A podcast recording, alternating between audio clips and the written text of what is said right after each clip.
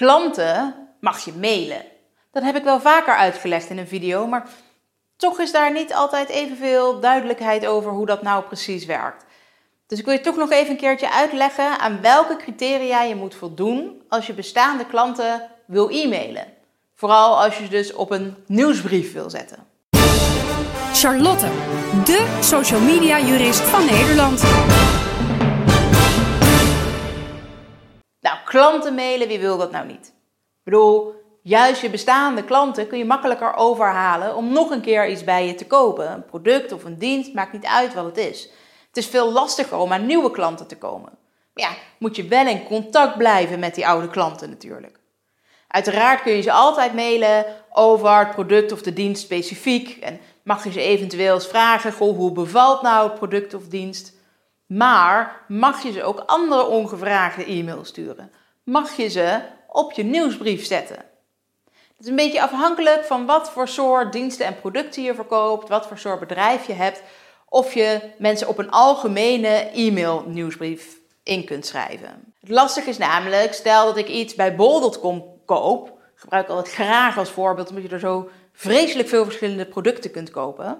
En ik heb daar net uh, luierdoekjes en luiers en een boxkleed aangeschaft.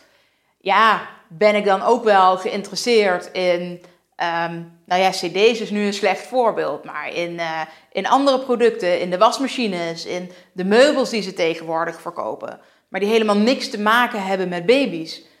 Zo'n nieuwsbrief wil ik natuurlijk helemaal niet ontvangen, want ik wil alleen maar die babyproducten, want die waren daar het allergoedkoopst. Kan mij het schelen dat je nu ook uh, bureaustoelen verkoopt. Behalve dan dat de nieuwsbrief waar je je klanten op inschrijft, en de informatie die daarin staat voldoende verband moet houden met de producten of de diensten die ze al gekocht hebben, moet je ook zorgen dat je klanten vooraf een recht van verzet biedt. Je mag ze dus niet zomaar op een e-maillijst zetten als je vooraf niet hebt gezegd, nou wil je dit niet, meld het hier dan even. Dus je hebt geen actieve toestemming nodig van je klanten, maar je moet ze wel vooraf al kunnen laten aangeven of ze die nieuwsbrieven willen ontvangen of niet. Eigenlijk moet je het zo zien. Voor jouw klanten mag zo'n nieuwsbrief nooit een verrassing zijn. Ze moeten namelijk of actief toestemming hebben gegeven, als je daarvoor kiest, of ze moeten de mogelijkheid hebben gekregen om zich tegen het ontvangen daarvan te verzetten. Dan heb je dus in elk geval wel al de informatie gegeven dat je van plan bent om zo'n nieuwsbrief te gaan versturen. Nou, dan weet iemand dus al: oké, ik ga een nieuwsbrief krijgen. En als ik het niet wil, dan moet ik nu ergens op klikken of een vakje aanvinken of zoiets dergelijks. Nou, stel dat ze het dus niet hebben verzet en zeggen prima joh, stuur mij lekker die nieuwsbrief. Dan moet dus de inhoud daarvan voldoende gelinkt zijn aan wat ze al gekocht hebben. Nou kan het zijn dat jij een bedrijf hebt waarbij alles wat je verkoopt altijd voldoende aan elkaar gelinkt is en je iemand dus op een algemene nieuwsbrief in kunt schrijven. Maar om nog even terug te komen op dat voorbeeld van bijvoorbeeld bol.com. Als ik luierdoekjes koop, ja, dan mogen ze me dus ook wel proberen om luiers te verkopen, uh, rompertjes, misschien wat babyboekjes of babyspeelgoed. Allemaal zo heel direct rondom dat onderwerp baby.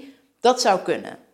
Maar om er vervolgens wasmiddel te gaan verkopen, of misschien wel een hele wasmachine of een ophang, ophangrek voor de was zo van, je hebt een baby, dus je hebt was. Dus kun je deze producten ook wel gebruiken.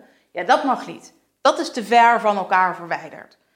Dus als je dan een algemene nieuwsbrief hebt waar alles in zit, dan is het niet voldoende om alleen maar dat recht van verzet te bieden. Dan zou je iemand juist nog expliciet moeten vragen om ook de algemene nieuwsbrief te willen ontvangen. Kortom, als je klanten hebt en je wil ze mailen, dan mag je ze op een e-maillijst zetten over producten en diensten die voldoende verband houden met wat ze al bij jou hebben aangeschaft. En dan hoef je ze alleen maar het recht van verzet te bieden. Wil je ze uitgebreider kunnen e-mailen, dan heb je daar nog een expliciete toestemming voor nodig.